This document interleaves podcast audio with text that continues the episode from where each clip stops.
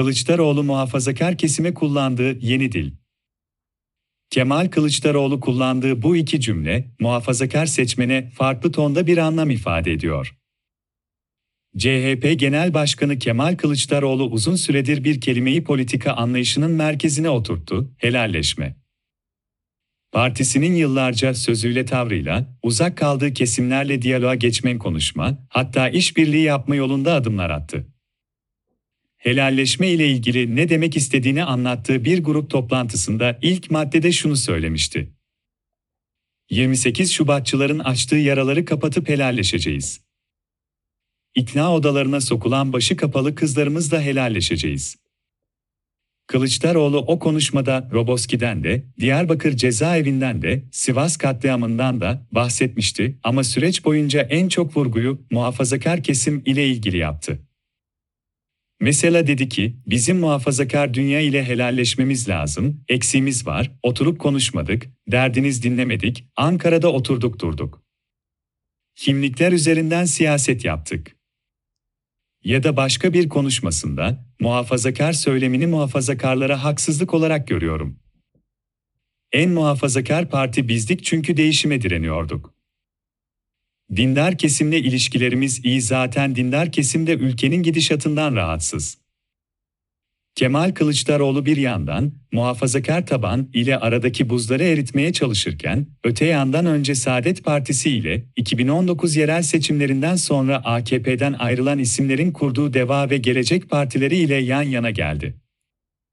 Kurulan altılı masa, 28 Şubat 2022'de altı liderin yan yana gelerek verdiği fotoğraf ve açıklanan güçlendirilmiş parlamenter sistem çalışması, ortak komisyonlarla seçime kadar geçecek süreçte başta seçim güvenliği seçim sırasında ve eğer seçimler kazanılırsa geçiş sürecinde yapılacaklar konuşulmaya başlandı. Ancak bu yılın başında altılı masada arka arkaya birkaç olay yaşandı. Önce Demokrat Parti Genel Başkanı Gültekin Uysal attığı bir tweet ile Cumhurbaşkanı adayı niteliklerini sayarken 20 yıllık Adalet ve Kalkınma Partisi döneminde sorumluluğa ortak olmamak deyince altılı masadaki iki partinin genel başkanları, Deva ve Gelecek, eski sorumlulukları gereğince Başbakan, Dışişleri Bakanı, Ekonomi Bakanı kendilerinin hedef alındığını düşündüler. Uysal düzeltmeye çalıştı, hatta her liderin ev sahipliğinde her ay yapılan buluşmalarda sıra Demokrat Parti'deydi, bu yeme herkes katılır mı tartışmaları arasında yeniden hep birlikte fotoğraf verildi, yayınlanan ortak deklarasyonda birlikte devam kararlılığı ortaya kondu. Ancak güven ile ilgili cin şişeden çıkmıştı.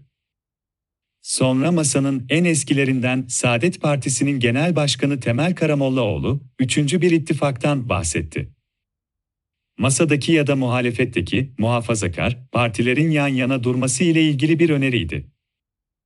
İktidarın, ittifakları partileri özellikle meclis seçimlerinde yan yana gelmelerinin, kimi formüllerle, mesela büyük bir partinin listesi altında daha avantajlı olabilecek bir hale getiren çalışmasından sonra bu öneri geldi muhafazakar seçmen CHP ya da İyi Parti listelerinden aday olacaklara oy vermez, söylemi ya da özellikle yeni kurulan iki parti açısından, Cumhurbaşkanlığı seçimi ayrı ama katılacağımız ilk seçimlerde bağımsız olmalıyız, fikri çokça konuşuldu. Ve süreçte Deva Partisi, seçimlere kendi logomuzda gireceğiz, diyerek, olayı başka bir mecraya taşıdı. Partinin kurmayları, masadan ayrılmıyoruz, seçim sisteminde bir ittifakın altında her parti kendi logosu ile gösterilebilir dese de ayrı bir çalışma yolu açıldı diye düşünenler de oldu. Muhalefetin, muhafazakar, kesiminin bu farklı hareketliliğini, Adalet ve Kalkınma Partisi giderse haklarımızı kaybederiz, diye düşünen endişeli muhafazakorların oyunu almak için bir strateji olarak okuyanlar anlatanlar da oldu. Anketler en azından şimdilik bu okumanın net bir karşılığının olmadığını gösteriyor. %30 civarında katılaşmış bir Akpardoğan oyu var. Bu uzun girişi Kılıçdaroğlu meclisteki son grup toplantısında yaptığı konuşmada farklı aralıkta kullandığı iki cümleye dikkat çekmek için yaptım. O cümleler şöyle. Mütedeyyin kesim de artık uyanmalıdır. Karşınızda kendi uydurdukları din zırhına bürünmüş bir yapı var.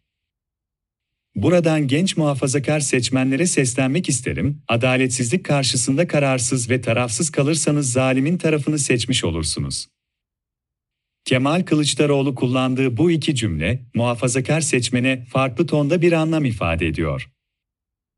Ne demek istediğini yakınındaki bir isimden anlatmasını istedim. Şunları aktardı, muhafazakar kesimdeki seçmenlerin iktidarın söylem ve tavrının, kendileri dahil pek çok kesime zarar verdiğini görmesi, buna daha yüksek sesle itiraz etmesi gerektiğini anlatmak istedi. Bir de muhafazakar kesim için devlet tanımı önemlidir. Genel Başkan'ın Sadat'a dikkat çekmesi, bu kuruluşun düzenlediği Afrika Kongresi'nde yayınlanan bildiride, Türkiye'nin de dahil olduğu oluşturulması planlanan İslam Ülkeleri Konfederasyonu'nda İslam şeriat ve akidesine hakim kılmak cümlesinin mütedeyinlerin de savunduğu devlet tanımıyla zıt olduğunu vurgulamak istedi, daha da vurgulayacak.